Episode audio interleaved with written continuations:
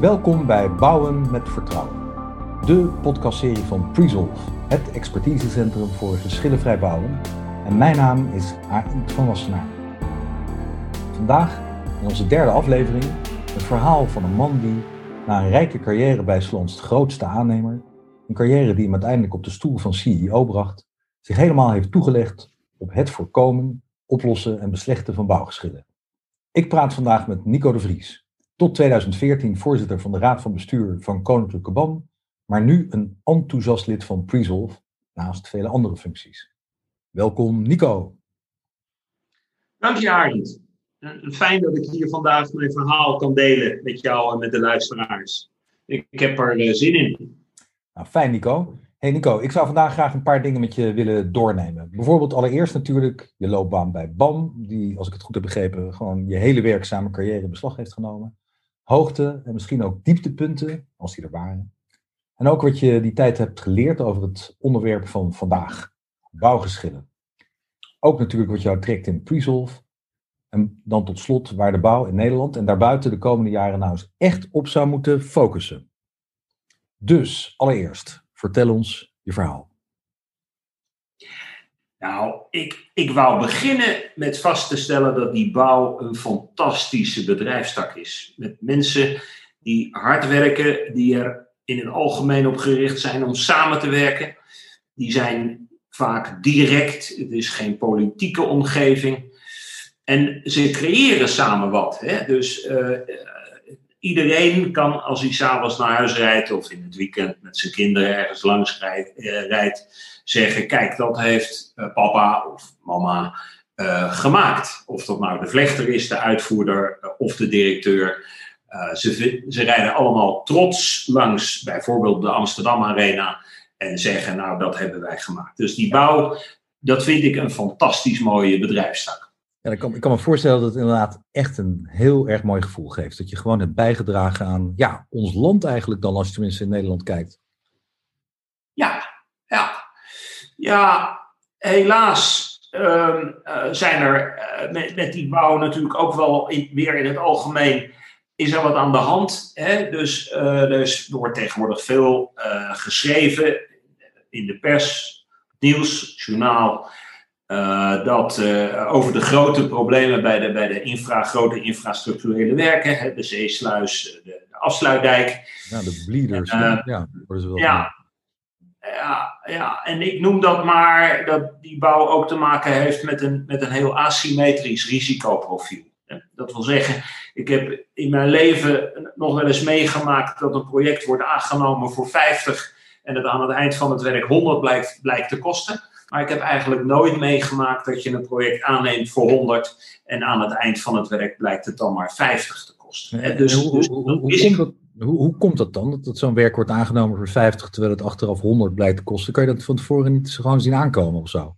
Ja, je zou zeggen van wel, maar er zijn toch hele, vaak hele grote risico's met bouwen uh, verbonden, met bouwen gebonden.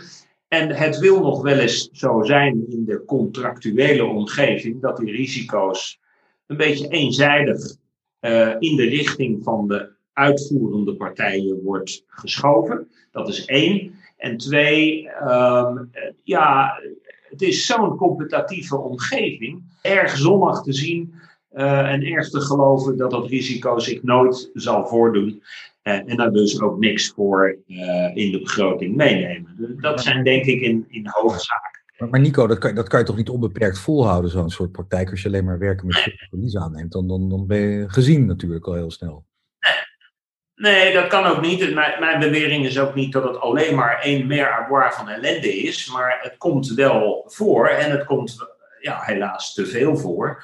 En het trekt zware wissels. En dat is eigenlijk het probleem. Er zijn natuurlijk ook prachtige werken waar, waar wat aan verdiend wordt. Maar nogmaals, als je het in de grote aantallen bekijkt, dan zijn er, is, de, is de magnitude van de zeeparts groter dan de omvang van de profijtelijke werken. En dat is raar. Dat zou eigenlijk gemiddeld hè, over de bedrijfstak zou dat niet, uh, niet moeten voorkomen. En ja, ja, hoe komt dat? Uh, heel competitief, dus heel veel aanbieders in die markt die allemaal bereid zijn om als het zover is risico's te nemen die je eigenlijk niet zou moeten nemen. En dat is denk ik in hoofdzaak het probleem waar we nog steeds mee kampen. Maar, maar die, die bouw die is natuurlijk al zo oud als de weg naar Rome, want die is namelijk ook gebouwd. Of de, de, piramides van farao's en, en, en, de Griekse tempels en, en, en Perzië en weet ik veel wat niet allemaal. Maar dat is toch wel geleerd in al die jaren. Hoe kan dat nou? Nou ja, we hebben natuurlijk in de afgelopen tientallen jaren wel gezien uh, dat de contracten zich hebben ontwikkeld. Was het vroeger, waren het eenvoudige beeldcontracten. Er werd nauwkeurig omschreven wat die uitvoerende partij, die aannemer, moest bouwen en hoe die het moest bouwen. En met welke materialen en in welke volgorde enzovoort enzovoort. En dat hield natuurlijk wel in dat als het dan misging, en het lag aan de volgorde of aan de verkeerde materialen of noem maar op, dan was dat rekening voor de opdracht, dan was die rekening voor de opdrachtgever. We hebben in de afgelopen tientallen jaren een ontwikkeling gezien naar meer geïntegreerde contracten. dat, dat was ook, daar werd ook door de, door, de, door de uitvoerende partijen, door de bouw, werd daarom gevraagd overigens. Naar meer risicovolle contracten, waarbij ontwerp en bouw in één hand waren. En uh, ja, ik zeg altijd maar een beetje, uh, misschien een beetje kort samengevat, maar daar waar de opdrachtgever in zijn, in zijn begroting aan het eind nog wel eens 10% onvoorzien meenam, werd dat op, op, op het moment dat het een design- en beeldcontract werd, werd dat gewoon voor nul in de begroting van de aannemer meegenomen. En verdween dat. En ja, waren de eerste 10% kostenbesparingen tussen aanhalingstekens natuurlijk, waren, waren bereikt. Dus uh, nogmaals, ik heb gezien dat, uh, dat in, die, in de afgelopen, in mijn, mijn, mijn loopbaan eigenlijk, dat de contracten steeds ingewikkelder, complexer, groter werden, waarbij het risicoprofiel heel nadrukkelijk verschoof van de opdrachtgevende naar de uitvoerende partij allemaal in het algemeen gesproken. Ja, ja nou, dat realiseer ik me nu ook. Je hebt, eh, waar, waar je het over hebt is eigenlijk iets dat zich gedurende jouw loopbaan heeft afgespeeld. Je hebt het gewoon zien gebeuren. Kan je wat vertellen over die loopbaan? Waar, waar, waar ben je opgegroeid? Ik ben in 1977 bij BAM begonnen. Uh, waar, waar, kom je vandaan? Als ik, als ik mijn best doe, dan horen mensen dat ik uit Den Haag kom. Daar ben ik geboren en getogen. Ik ben Hagenees, geen Hagenaar, dus ik ben niet op het zand geboren, maar meer, uh, meer op het veen. Um, ik heb. Um, Jouw ouders hadden die. De wat, wat, wat, wat voor soort milieu was dat? Waar, hadden die ook gestudeerd? mijn vader uh, is in de oorlog, was, was zijn, zijn, zijn tienerjaren was in de oorlog. Uh, en hij heeft na de oorlog de HTS uh, gedaan, deels in de oorlog geloof ik, de HTS gedaan. Had heel graag naar Delft gewild, maar uh, ja, was toen, was toen niet mogelijk. Of kon dat niet of is dat niet gerealiseerd. Maar is dus, hij heeft HTS gedaan, is dus een technicus geweest, want hij is een paar jaar geleden overleden. Technicus heeft, um, heeft bij het GEB gewerkt en daarna in ook in de bouw eigenlijk in de installatietechniek. Oh, uh, dus, ja, ja, ja. Dus ver, ver van de stam. Jij, jij, jij wilde dat ook.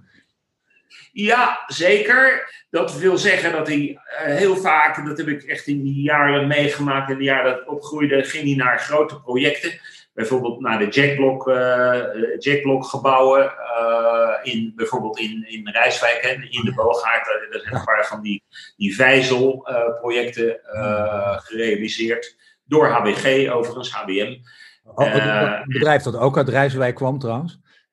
Ja, zeker, zeker, zeker, zeker. Ja. En uh, ja, zijn, het bedrijf waar hij voor werkte en later ook directeur van was, dat, uh, dat deed dan de, technische, de techniek. Uh, en dat, dat vond, vond, ik toen al heel bijzonder, hè, want in de, in de eerste laag die werd gerealiseerd, dat was de, de bovenste, uiteindelijk de bovenste technische laag. Ja, en dan, uh, dan, dan brandde de ketel uh, al, zal ik maar zeggen, van de verwarming. Als, de, als het gebouw nog langzamerhand verdieping voor verdieping omhoog werd gevijzeld. Dus dat, en dan hebben we het over de jaren, jaren 60, begin jaren 70, toch, Nico? Ja, zo was het. Zo was het zo was het. En, dan, dan, en dan hoor ik nog wel eens op congressen dat de bouw zo vreselijk uh, weinig innovatief is en dat we nog net zo bouwen als de Egyptenaren. En dat zijn van die momenten, als ik daar dan aan denk, dat ik echt dan krijg ik een beetje van die rode vlekken in mijn nek. Dan denk ik, ja, joh. ja, ja Delta werken, hè? Dat, dat, is natuurlijk ook een uh, mooi voorbeeld van. Uh, Maar goed, toen ging jij dus naar Delft, want jij, jij, wilde, jij wilde net als jouw vader in de techniek. Ja, ik, ik wilde al heel snel ook in de bouw. En ik dacht eerst dat dat meer aan de ontwerpende kant zou zijn. Dus ik ben uh, begonnen bij uh, bouwkunde in Delft. Dat was wel een beetje het, uh, dat was 1969, een jaar na de Parijse Revolutie. En toen, toen schudde de, de, faculteit bouwkunde ook een beetje op haar grondvesten, zal ik maar zeggen. Toen ik begon, toen was het vak wiskunde afgeschaft. Want ja, dat, dat was kennelijk niet nodig. En uh, er werden allerlei plenaire discussies in trappenhuizen van de, de faculteitsgebouwen gevoerd over ja, de maatschappelijke relevantie van het vak enzovoort. Nou, ja, ja. Daar, op zich heb ik daar geen kritiek op, maar het paste gewoon niet zo bij mij. Dus ik ben na mijn propeduize bouwkunde ben ik omgezwaaid naar civiele techniek. Ah. Uh, en ja, dat, dat, dat paste veel beter bij mij. Dat is, dat, dat, dat analytisch, die analytische benadering is, uh, vind ik, uh, vind ik, uh, vind ik veel leuker, veel beter. Dus ik ben afgestudeerd bij civiele techniek, wel in de richting bouwkunde. Dus ik heb een, ik heb een zwembad ontworpen en daar alle, alle vragen bij, bij mogen oplossen. Mooi. Natuurlijk heel, heel in de kern, hè, dus niet uitgebreid. Ja. Hey, en toen ging je naar BAM? Meteen al. Ja, ja, je had toen het, dat heb je geloof ik nog steeds, intermediair. En ik dacht, laat ik eens in intermediair bladeren, zag ik een advertentie van BAM. En ik heb toen één brief geschreven. En een paar dagen later belde het hoofdpersoneelszaken van BAM, uh, Mink Baak. Uh, waarmee ik overigens tot voor kort nog steeds wel is golf. Dus dat is buitengewoon leuk om, om, om terug te kijken. Maar Mink Baak belde en uh, nou ja, kon komen praten. En lang verhaal kort maken. Ik ben toen bij de Bataafse aannemingmaatschappij uh, begonnen. De vestiging, Mooie naam. Uh, Mooie ja, naam. zeker. Ik, ik, zeker. ik, weet dat je daar nog een verhaal over zou kunnen vertellen. Ja, dat is zo. Dat heel weinig mensen maar ja. weten, geloof ik. Ja, in, inmiddels zeker. Ja. Uh, kijk, er was een bouwbedrijf van der Wal, inmiddels 151 jaar geleden opgesticht. Van der Wal, uh, die uh, uit Groot-Ammers, en dat was eerst, die is begonnen als een beetje timmerfabriek. Maar ging allengs ook timmeren op, op projecten en niet alleen in de fabriek. En die, die nam ergens in de twintiger jaren het hoofd, hoofdkantoor, het nieuwe hoofdkantoor van de Bataafse Petroleummaatschappij in Den Haag aan. Dus Karel van Bieloplaan in Den Haag, dat prachtige gebouw. Ja, exact. exact. Nou, dat was, dat was voor hem zo'n majeure opdracht in die tijd dat hij uh, ten eerste het besluit nam om met het kantoor naar Den Haag te verhuizen. En ten tweede, hij ging zijn bedrijf noemen de Bataafse aannemingmaatschappij. Dus als het ware. Grappig verhaal. Ja, ja, ja. ja, ja. Maar, maar, en toen ik. Ja, dus de Bataafse petroleummaatschappij is Shell gaan heten. En, en, en BAM is niet Steen gaan heten vervolgens. Dus, dus, dus die naam BAM die is er gewoon wel ingebleven. Nee, in de jaren dat ik bij BAM kwam, uh, werd het allengs gebruikelijker om niet meer de volle naam, maar BAM te gebruiken. Dat, werd ook, dat, dat gingen we ook uh, ja, promoten, zal ik maar zeggen. Maar ik weet nog wel bij mijn eerste werken, dan die op, opzichters, die hadden het altijd over, uh, over de Bataafse en, ja. en, nooit over. Nee. Die, die, zat toen nog, die zat niet in Bunnik toen, hè? Nee, BAM is echt vanuit die tijd, de twintig jaren, in Den Haag uh, gevestigd. En uh, ergens in de zestiger jaren is vanuit die utiliteitsbouwmaatschappij is de holding uh, gegroeid, omdat de, de, de top van BAM op dat moment ook andere activiteiten wilde gaan ontplooien. Dus er is een woningbouwmaatschappij gekocht en opgericht, een installatiebedrijf. En een projectontwikkelingsmaatschappij. En die holding is verhuisd naar Zeist. En de, de, de werkmaatschappij, de utiliteitsbouw werkmaatschappij is altijd, niet altijd, maar is toen in uh, Den Haag gebleven. En, Wanneer praten nou eigenlijk? Is het 1974, 1975 als jij daar de eerste schreden zet? 77. 1 april, of 4 april eigenlijk, want 1 april viel op een vrijdag. En ze vonden het toen nog zonde dat ze drie dagen salaris moesten betalen. Uh, dus uh, ik werd in dienst genomen op, uh, met ingang van 4 april. Dat, nou. Dat weet ik nog goed. Ja. En daar ben je weer weggegaan in 2014. Ja, ja dus ik, heb het, uh, ik, ben uit, ik, ben, ik ben afgetreden als voorzitter raad van bestuur in 2014. Ik ben uit dienst gegaan 1 april 2015. Dus ik heb 38 jaar uh, ben ik in dienst geweest bij, ja, bij De fles cognac net gemist. Of wat, wat ja, je krijgt als je ja, jaar in dienst bent. Dat is het lot van een, uh, van een, uh, van een CEO. Hè. Uh, je, je, je, je krijgt tegenwoordig een aanstelling voor vier jaar. En met mijn naderende pensioen in het zicht en met de noodzakelijke uitvoering van allerlei strategische heroverwegingen in het zicht, hebben we gezegd, nou dan is 2015 een mooi moment om ja. met pensioen te gaan. Ik was toen bijna, bijna 64 en nou ja, ja. Dat, dat, dus, dat, maar, ik vond het ook. Maar als je nadenkt, hè, want toen jij dus in 1977 begon was BAM de BAM, nog, nog niet heel groot, en toen jij wegging, als je dan bedenkt welke bouwers allemaal op dat moment waren opgeslokt, als je het zo kunt zeggen, door de BAM, dan is het ja. werkelijk niet op de vingers van één hand te tellen. En ook niet, nee. de, om het zo maar te zeggen. Nee, dat is zeker waar. Dat is, ja. dat is zeker waar. Dat is ook een, uh, ja, dat is ook een heel mooi... Uh, mooie historie om naar terug te kijken. Kijk, we begonnen in die begin tachtiger jaren, begonnen we met, uh, met eerst met wat kralenrijgen. En uh, de eerste transactie was, we houden het ook voor Meulen, dat was de woningbouwmaatschappij en de, de, de installatietechniek. daar schiet me de naam nou even niet van binnen, maar dat waren twee overnames die al voor die tijd waren gedaan. Maar daarna begon eigenlijk wel een behoorlijke uh, reeks. En uh, ja, dat begon met de Kinkelder uit Arnhem. En daarna ging het vrij snel ging het gas erop. Ja. Uh, we namen in 87, 86 Bredero over. De, de, de, de Bredero-bedrijven waren gefailleerd. De, de levensvatbare onderdelen waren ondergebracht in de Geldensgroep.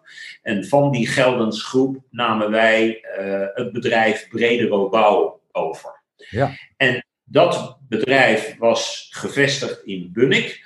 Had ook net een nieuw, groot nieuw hoofdkantoor in Bunnik uh, gebouwd en betrokken.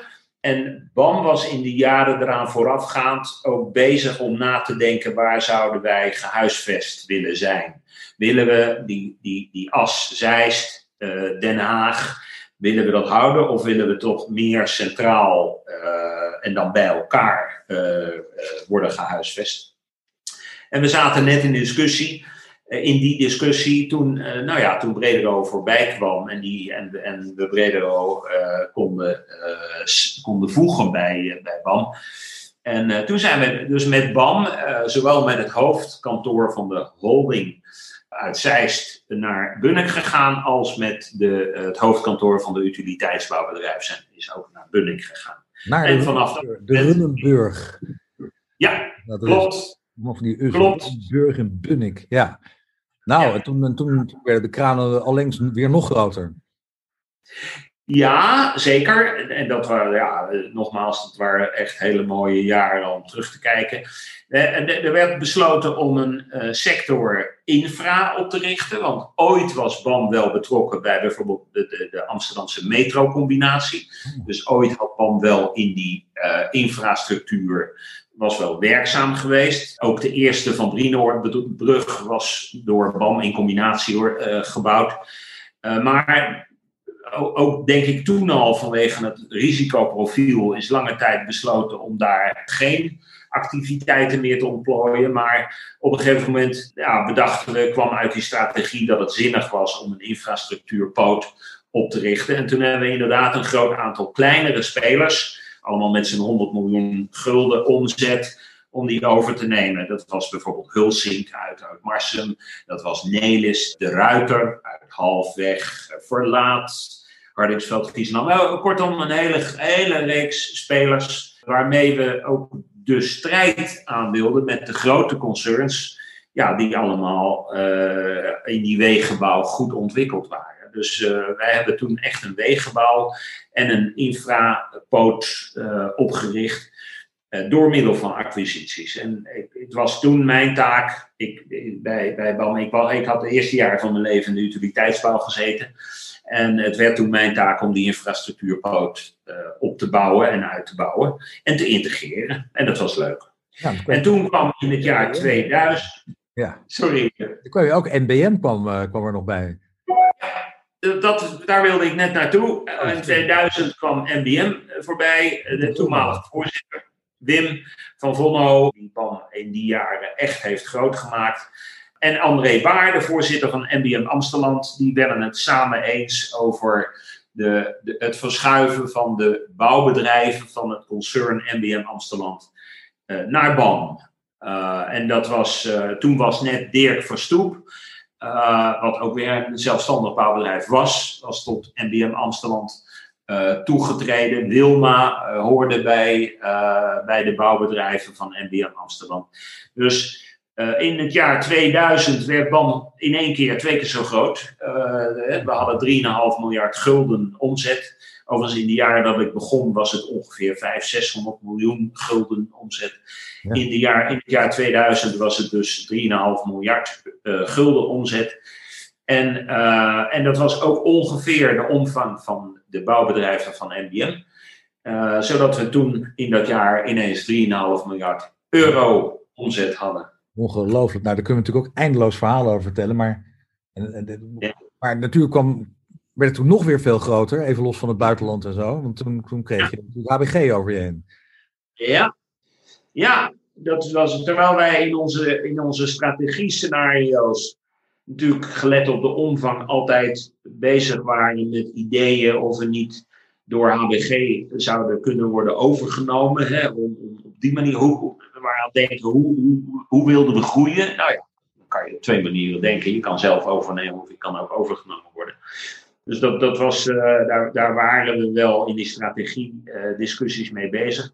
Ja, toen, toen HBG eh, zat toen even in een lastig parket. Hè. De, de, de, ze hadden kort daarvoor een Wijzen Freitag overgenomen. Het ging toen niet zo goed. En HBG werd toen belaagd door onze Nederlandse collega's Heijmans en, uh, en uh, Boskalis. Ja, de Baggeroorlog. Uh, de Baggeroorlog, juist. Want toen was het verhaal van ehm, waar, waar, wat, wat, doet die, wat is nou de strategische rationale van het hebben van een baggerbedrijf, waarmee je als het ware de andere activiteiten subventioneert. Maar goed, HBG heeft toen, ik, ik vertel het in een notendop hoor, maar een soort white knight gevonden in uh, een, een Spaanse partij die HBG van de beurs haalde, dus overnam. Dat was Dragados, het Spaanse bouwbedrijf, bouw- en baggerbedrijf Dragados. En heel kort daarna, ik denk een maand later, werd Dragados zelf onvriendelijk overgenomen door een andere groot Spaans bouwbedrijf. En wij kregen toen via kanalen te horen dat die HBG eh, niet zo zag zitten. Nou ja, we zijn, uh, we zijn, ik zat toen in de board al van BAM en we zijn met z'n drieën, uh, plus de, de, de, de hoofdjurist, zijn we naar uh, Madrid gevlogen. En in een weekend hebben wij toen Wim als voorzitter in de leiding uiteraard. Maar in een weekend is toen een afspraak gemaakt om HWG voor dezelfde prijs als Dragados ze net van de beurs had gehaald om uh, dat bedrijf over te nemen. Nou, dat was toen, toen moesten we nog wel uh, dat aan onze commissarissen verkopen. En ik herinner me dat dat nog best wel een, uh, pittige discussie was. Want die commissarissen die vonden het eigenlijk een, een bridge too far. Want HBG was gewoon twee keer zo groot dan de combinatie BAM en BM. dus toen hadden we ineens 7, 8 uh, miljard euro aan omzet. Maar goed, het is gebeurd en ik, ik moet zeggen, die integratie samen, we hebben van het begin af aan gezegd, jongens, wij spreken niet van een overname, want die partij is gewoon twee keer zo groot dan wij. We spreken van een samengaan. En al heel snel hebben we gezegd, uh, we nemen de kleuren van HBG aan en de huisstijl uh, van BAM. En, want we waren ook net bezig met het ontwikkelen van een nieuwe huisstijl. dus, dus we daarmee hebben die synthese. Dat, dat, dat, dat dan op de, op de keten en het voertuigenmaterieel. En op de vlakken voor de Runnenburg van ja. Mooi, mooi verhaal. Ja. ja. en toen kwam jij natuurlijk op een gegeven moment aan datzelfde roer te staan. Na nog even een tussenpauze. Ja, ja, ja, ja, ja. Voor, ja, zeker. Dat was in 2010. En ik denk dat we allemaal weten dat de financiële crisis begon in 2008. Uh, en die eilt in de bouw altijd een paar jaar na. Dus uh, ja, in de jaren daarop was het, werden de markten gewoon in, heel, in alle landen waar wij uh, werkzaam waren, gewoon heel, heel, uh, heel strak, heel spannend, heel scherp. En dat, was, dat was wel een uitdaging, Arjen. Dat was wel een uitdaging, ja. ja. En daar heb ik natuurlijk op zich veel van geleerd. Ik heb toen zelf altijd geprobeerd om uh, direct zicht te houden op onze buitenlandse activiteiten. Want BAM toen was heel sterk in uh, het Verenigd Koninkrijk. Ja. hadden we twee grote bedrijven, een U-bouwbedrijf uh, en een infrabedrijf. Nuttel. met de naam Nuttel, Nuttel, ja. En die twee samen waren, hadden ongeveer positie drie op de, op de markt in het VK. We waren heel sterk in Ierland. En dat, had ook heel, dat was ook door een hele zware crisis gegaan. Uh, dat weten we ook allemaal, maar daar zijn we echt als uh, sterkste partij boven komen drijven. Mooi. We hadden een aantal bedrijven in, in België en samen waren we ook veruit marktleider in, in België. En een tweetal bedrijven, Wijzen Vrijdag en, en BAM Duitsland. Eén voor de U-bouw en eentje voor de civiele techniek in uh, Duitsland. Dus dat waren de, de, de, zware markten van BAM. Daarnaast ook nog BAM Constru uh, Constru Construction. En die deed, laat ik zeggen, de, de, in de verre buiten Europa uh, koos die selectief projecten uit voor bekende opdrachtgevers en in omgevingen die, laat ik zeggen, straight waren en niet, en, en, en, en niet uh, omgeven met allerlei uh, geheimzinnigheid, zal ik maar zeggen. Dus uh, wij bouwden bijvoorbeeld van het begin af aan nooit in, ja, in Saudi-Arabië. Ja, ja. om maar een voorbeeld Zoals Bol als Nederland dat dan wel deed. Ja. Hey, ja. En, maar, maar je erfde ook een ongelooflijke grote hoeveelheid grondposities. Ja, Arend, ja. Ja, want vlak voor mijn aantreden, uh, en daar kan ik ook een boek over schrijven, maar laat ik daar niet al te veel over uitweiden. Maar vlak voor mijn aantreden, dus door mijn voorganger, is het bedrijf AM overgenomen. Dat is van de beurs gehaald, opgesplitst in uh, het oude multivastgoed en het oude AM-ontwikkeling. AM-ontwikkeling was met name uh, woningbouw, multivastgoed, met name utiliteitsbouw. Ja. Utiliteitsbouw is dat, dat deel, dus uit oude multivastgoed, is verkocht en AM is bij ons uh, gebleven. En die hebben in de jaren daarna nog erg veel geïnvesteerd. Dus toen ik aantrad, Arend, hadden wij op de balans aan, aan vastgoedposities anderhalf miljard euro staan. En dat was in een tijd dat iedereen zich begon af te vragen of als ze zich wel gaat uitbreiden aan de andere kant van de A27. En of Hoge Zand Sappermeer nog wel behoefte heeft aan een verdubbeling van de bevolking. En, enzovoort, enzovoort. Dus Ja. uh, Almere hadden we enorm veel grondposities. Uh, voor, uh, laat ik zeggen, een gemiddelde prijs in de balans, waarin zo langzamerhand. En nogmaals, de crisis ging er vol, door, vol overheen. En um, in het begin dachten we nog wel, nou, bij een inflatie van een procent of vijf per jaar, dan is het probleem misschien over tien jaar gehalveerd of zo, weet je. Dan, dan, daar, daar, zo werd er ook al een beetje gesproken. Ja, en A, we weten allemaal, er kwam geen inflatie. Nee. En we weten ook dat al die rode kaarten, die, die kaarten met die rode vlekken voor toekomstige uitbreiding, die gingen allemaal de kast in. Ja. En uh, ja, langzamerhand werden er hoe langer hoe meer vierkante meters die voor een tientje in de, uh, op de balans stonden. Dat werden vierkante meters die voor 3 euro naar de balans moesten. Dus nou ja, dan kan je, ja. ja, dan kan je uitrekenen wat dat betekent. Nou, nogmaals, ik wil eigenlijk niet te lang bij stilstaan. Want We halen heel erg op. mooi. Maar, ik wou, ik wou zo graag die prachtige loopbaan van jou even, even Ja. de revue laten Ja. passeren. Want het is, het is zo mooi wat je net zelf zei. Want ja, die, die, die, daar is natuurlijk zoveel gebeurd met jou en het bedrijf, het bedrijf waarvoor je werkt, maar natuurlijk ook met het type bouw dat we zagen. Maar ja, dit, dit, dit moest even natuurlijk gedeeld worden. Ja, ja. doen. Ja, Ja, doen. Zo, zo, Ja. houden, zo houden we dat. Zo houden we Ja. dat. En- en Misschien is het wel een goed moment om, om dan, als je er nou even terugkijkt, hè, hoogtepunten, dieptepunten, ik zei het in de inleiding, kan je heel kort, anekdotisch misschien, iets aan ons Ja. kwijt op dat punt? Ja, eh, weet je, een van de hoogtepunten is natuurlijk dat wij in de combinatie zaten en, en nadat HBG erbij kwam via Wijzen Vrijtaak voor een, eh, een bijna 50% in de combinatie zaten die de Westerschelde-tunnel heeft gerealiseerd. Ja, Daar, ben ik, eh, daar zat ik in de raad van bestuur natuurlijk van de combinatie, hè, als, als, als directeur van de participerende bedrijven. Ja. Je samen de raad van bestuur en ben je daar met regelmaat. Dus ik ben met regelmaat naar het sales eh, gereden.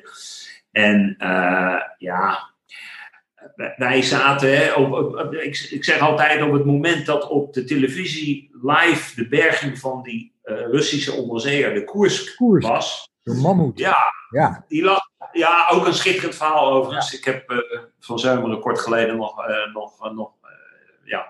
Maar goed, die lag op 100 meter diepte. Ja, op dat moment zaten wij bijna ook op 100 meter diepte. door de boomse klei. Om door de boomse klei aan het boren. Ja. En, en daar moeten, moeten af en toe moeten die, die snijtanden die moeten dan verwisseld worden. En dan gaan duikers door een klein luikje. eh, die, die, die gaan dan de modder in. Hè, want het is echt waar je geen hand voor ogen ziet. En waar ze dan- Als je zo diep zit, echt ongelooflijk. En die gaan, gaan dan in een, in een eh, decompressietank, eh, wat op een wagentje wordt gereden naar de uitgang van de tunnel, of nou, je wil het begin van de tunnel, hè, waar we begonnen zijn, gaan daar, worden daar aangeschakeld aan een unit waar ze een week moeten bijkomen om weer naar buiten te kunnen. Ja, de, de, de, dat, is, dat zijn zulke mooie technische prestaties. Dat is, eh, dat is, eh, ja, dat is geweldig. Bijna En dan- astronauten die, die in quarantaine moeten nadat ze op de maan zijn geweest, zo'n beetje, stel ik me erbij voor. Ja, ja, ja die, hadden, die hadden een eigen, een eigen woning, eh, compleet onder druk. Eh, met een arts ook daarbij, dus die woonde daar permanent eh, gedurende die activiteiten natuurlijk, woonde daar ook bij. En ja, eh, op een gegeven moment was het zo dat in die Boomse klei op 70 meter diepte, die, die mantel van die tunnelbuis begon te vervormen. En, en stevig, dus echt merkbaar. En dan moet je je voorstellen dat dat een centimeters dikke mantel is. En ja, dat was best wel paniek. Bouw stilgelegd en eh, allerlei experts daarnaar kijken en, en kijken wat we, wat we moeten doen. En ik herinner me nog wel dat ik eh, na, na een lange rit kwam ik in Terneuzen eh, bij, bij onze, onze kate, bij onze kate aan. Ik stapte binnen en ik probeerde ik denk, nou, ik begin maar eens vrolijk. Ik zeg tegen mijn collega's van de Raad van Bestuur, ik zeg, nou, luister, we zijn erin gekomen. We zijn onder de grond gekomen. Wij komen gewoon ook weer die grond uit. En toen keken met name die Duitsers, die keken mij heel strak aan. En die begonnen een voorbeeld te doen van een project waarbij de tunnelboormachine op 30 meter onder, nou ja, de grond in Bogota of in weet ik het allemaal in de wereld. Ja, toch definitief was komen vastzitten, verloren was en, en ze ooit opnieuw moesten beginnen. Dus toen schrok ik wel over risico's eh, gesproken. Toen schrok ik ook wel eh, behoorlijk. Maar goed, dat is goed afgelopen. Daar hebben allerlei deskundigen naar gekeken. En we zijn langzaam weer begonnen met, met boren, met draaien. En we zijn eh, succesvol aan de andere kant gekomen. en Dus het dat, dat hoogtepunt was dus eigenlijk in letterlijke zin een dieptepunt, want het was 100 meter diep, Ja. maar tegelijkertijd een hoogtepunt. Ja. Ja, ja zeker. Ja. Dus ja, dat, dat zijn toch, ja, voor een bouwer vind ik dat toch mooi. We hebben het, het, het voetbalstadion in eh, Johannesburg gebouwd. Ja, Ook natuurlijk een combinatie. Ja. We hebben de Amsterdam Arena met Ballas Nedam samen Amsterdam Arena gebouwd. Met een mooie dak. Eh, Ja, met het mooie dak. Ja, grasmat, zeker. dat wa- die grasmat had niks met jullie te maken, weet ik. Nou, dat is een mooi verhaal. Eh, Wij, wij, on- oorspronkelijk zat die grasmat ook bij ons in het contract. En op een gegeven moment ging, ja, het is lang geleden, dus ik mag Ja, het ja, ja. eigenlijk wel vertellen. Eh, op een gegeven moment ging de directie van de Amsterdam Arena, die ging overal eh, in de wereld kijken naar die grasmat. En die zeiden op een gegeven moment, nou, wij, wij, denken nu te weten hoe het moet. Dus het moet zo en zo en zo en zo en zo. En toen zeiden wij, weet je, uh, het lijkt ons beter dat we dat gewoon helemaal uit het pakket halen en dat jullie dat gewoon zelf omarmen, want jullie weten nu hoe het moet. Nou ja, daar is mee ingestemd. Dus daarmee was het, verscheen het bij ons uit, uh, uit, uh, uit het contract, verdween het bij ons uit het contract. Wat bij de Amsterdam Arena nog wel mooi is om te vertellen, is dat wij hadden het bedrijf Bailey gecontracteerd voor de hele stadconstructie. Dus voor die twee enorme spanten en voor die twee delen schuifdaken. Bailey, en één spant. Bailey, bruggen. Ja, precies. Ja. precies. En één spand uh, was gemonteerd en het andere uh, was onderweg. In delen uiteraard. En toen ging Bailey failliet. Uh, en dat was toch wel even een dingetje, hè? want hoe vind je dan een andere partij die die handel, wat gezegd, die handel gaat afmaken? En tegelijkertijd ontstond er, en misschien was dat ook door partijen die ergens ook worden geraakt door dat faillissement, begon er een gerucht op te steken dat er wel uh, ontwerpfouten in dat dak zaten. Uh, uh, en toen ben ik naar een hoogleraar gestapt in Delft, die ik goed kende. en ik heb hem gevraagd op persoonlijke titel: joh, kijk of wij hier een probleem hebben of niet. En daar heeft hij een, dag, een aantal dagen over gedaan. En toen heeft hij mij gezegd: je, je, mag mijn naam niet noemen, maar maak je geen zorgen, het zit echt goed.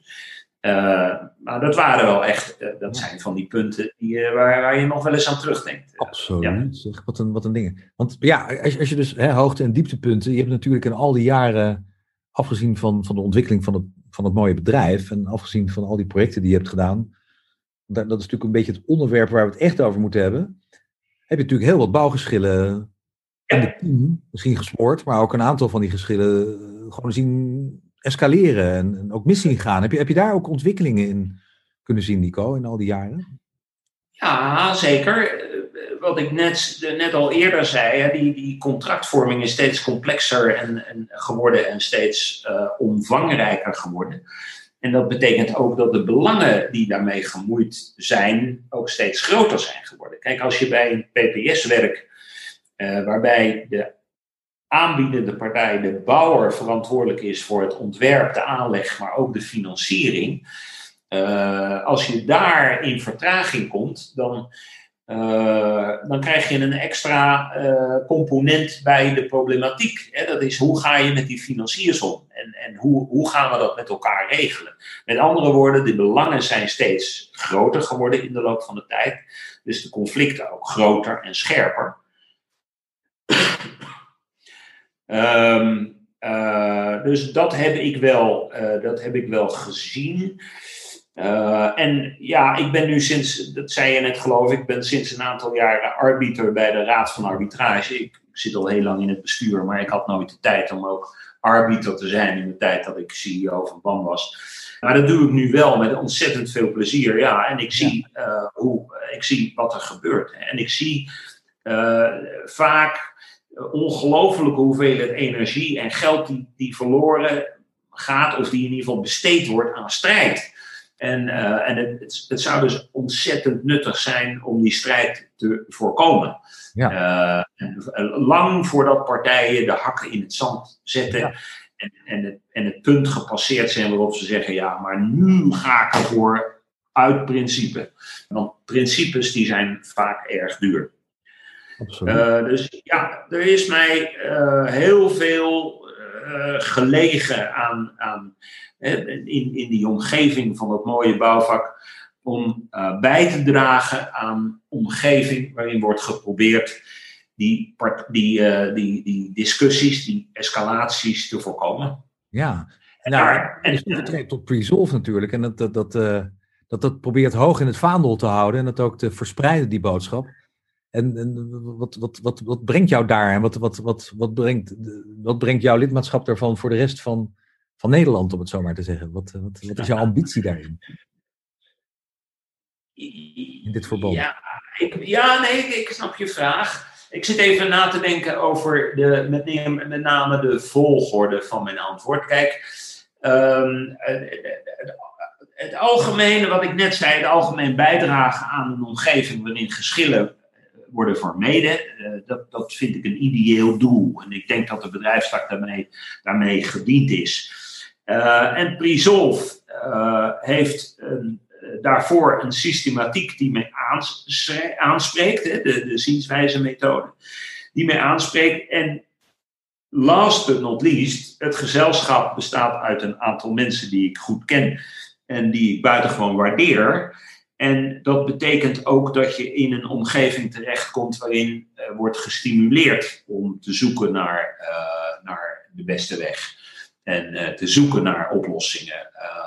en ja, dat, dat, dat, spreekt mij, dat spreekt me zeer aan. Maar het laatste argument, hè, dus de leuke mensen, dat is, speelt zeker ook een rol. Maar ook niet alleen leuk, ook competente mensen. Dus dat speelt zeker een rol. Nou, dat, dat, is natuurlijk heel leuk om te horen, zeker omdat ik daar natuurlijk zelf ook bij zit.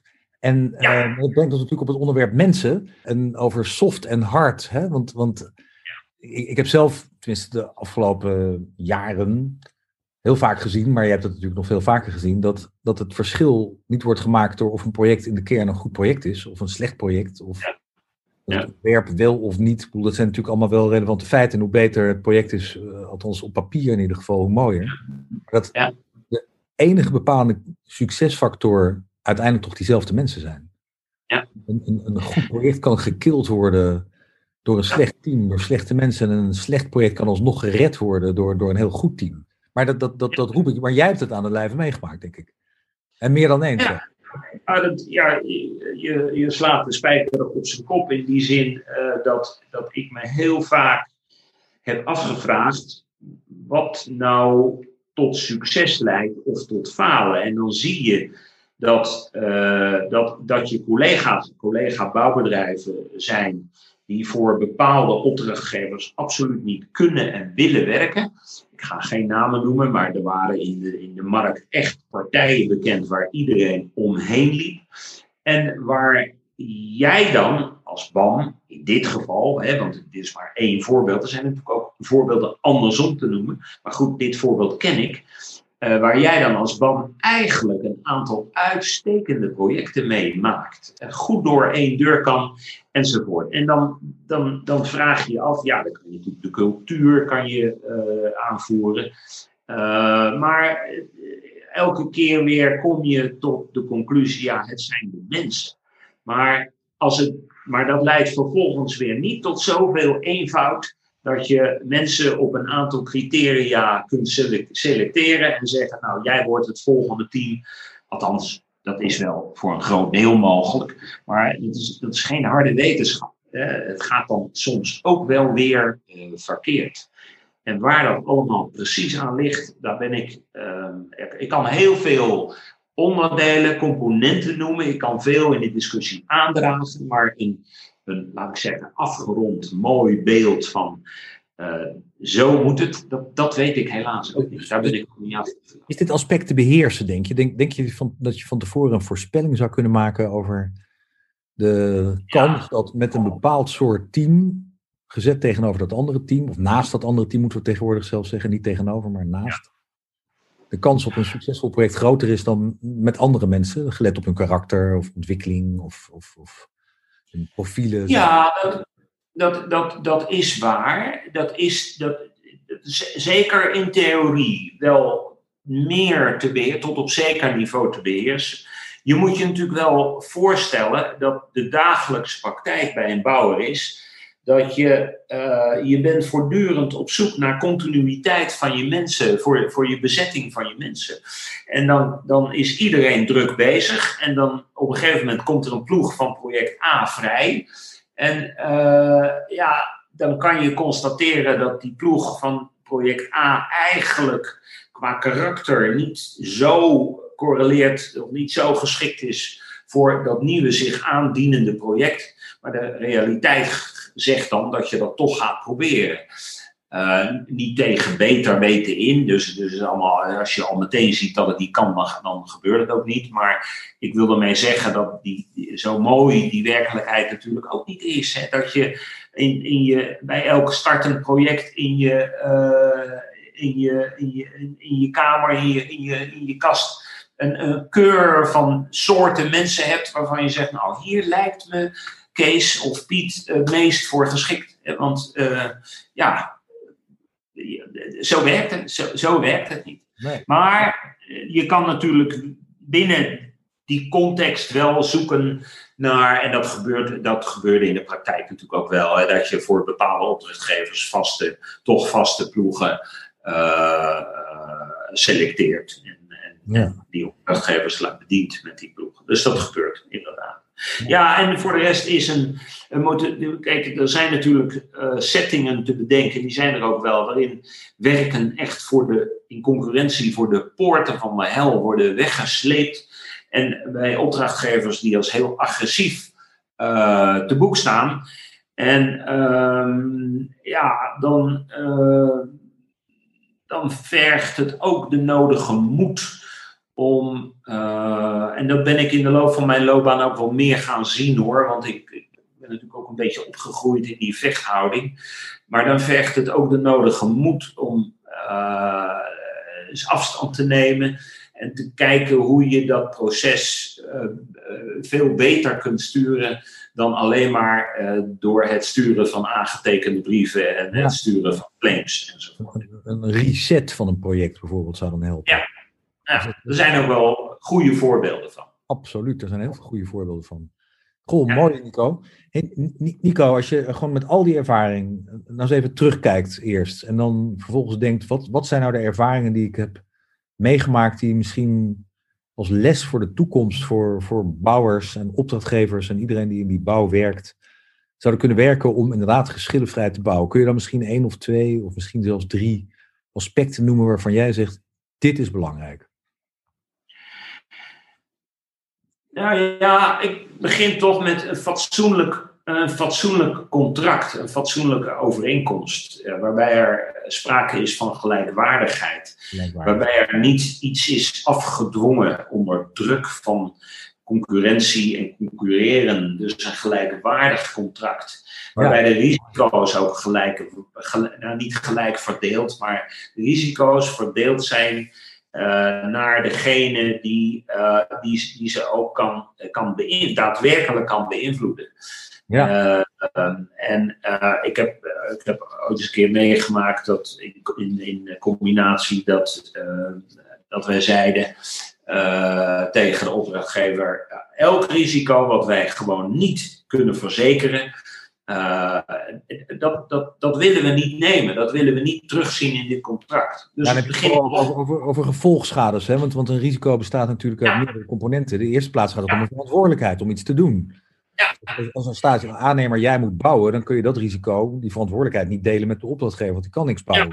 Maar het gaat natuurlijk om wat, wat gebeurt als er misgaat en als dingen fout gaan en als er schade optreedt of, of, of heel veel geld wegspoelt in tijd en zo. Dat, dat, dat soort risico's heb je het dan over, hè?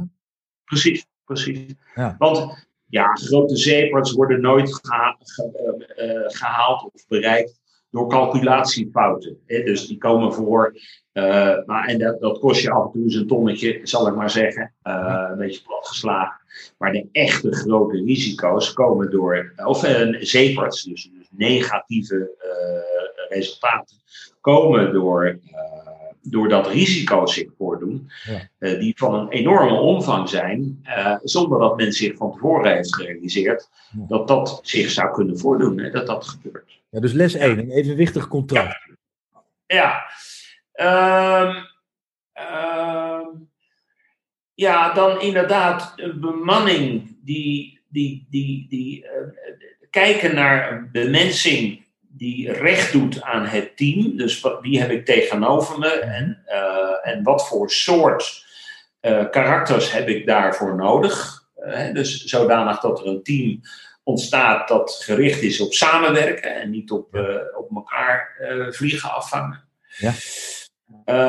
Um, ja, en dan als je dan die, die, erin slaagt om niet in de risicosfeer terecht te komen, dan gaat het bijna altijd goed.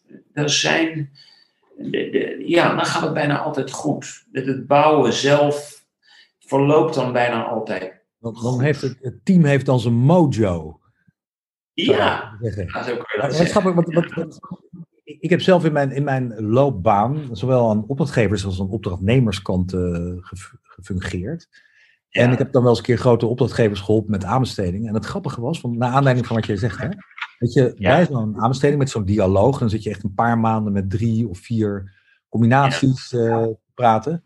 Dan zie je eigenlijk al vrij snel welk consortium het gaat winnen. En dat komt niet omdat ze gewoon laten zien dat ze beter zijn of zo. Want dat kunnen ze nog helemaal niet laten zien. En dat zie je gewoon aan precies wat jij daarnet zegt. Gewoon de synergie die er is, de enorme drive die er is, gewoon de lol die er is, de belangstelling. Als dat een keer loopt, dan, dan zie je dus ook dat zo'n club op een gegeven moment ook de beste inschrijving gaat doen. Dan heeft hij er zo goed over nagedacht. Dan heeft hij het helemaal doorgedacht. En zeggen, wij gaan het gewoon doen. En dat ligt dan niet doordat ze heel stom 10% er nog eens een keer hebben afgehaald. Maar gewoon omdat ze het beste team zijn. En dat, dat, dat, dat, dat, dat, ja, dat is een mooie waarneming van jou. Dit, uh, ja. Ja, ik, ik, ik vind het ook leuk dat jij dat zegt. Uh, en je ziet ook dat in de afgelopen jaren daar uh, dat zich enorm heeft ontwikkeld. Hè. Vroeger was het de projectleider die even niks te doen had en die dan zo'n aanbiedingstraject ging, uh, ging trekken.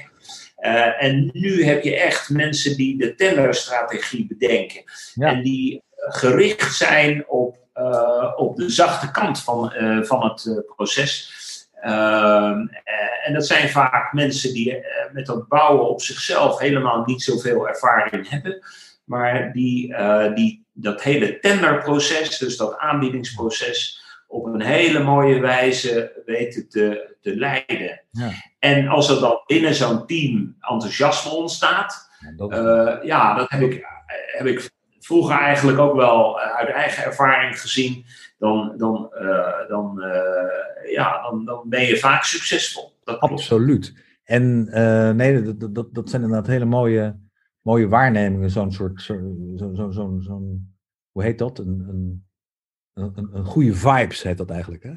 Ja, ja, ja. ja nee, dat, daar, daarbij is, is het wel, denk ik, maar ik weet niet of, of je dat ook zo vindt, dat als dan vervolgens die tender gewonnen is en dat tenderteam zich dan terugtrekt en wordt vervangen door het team dat het gaat uitvoeren, aan beide kanten zie je dat dan vaak, kan het alsnog natuurlijk de biedenrug opgaan. En daar, daar moet natuurlijk wel aandacht voor staan, voor die continuïteit.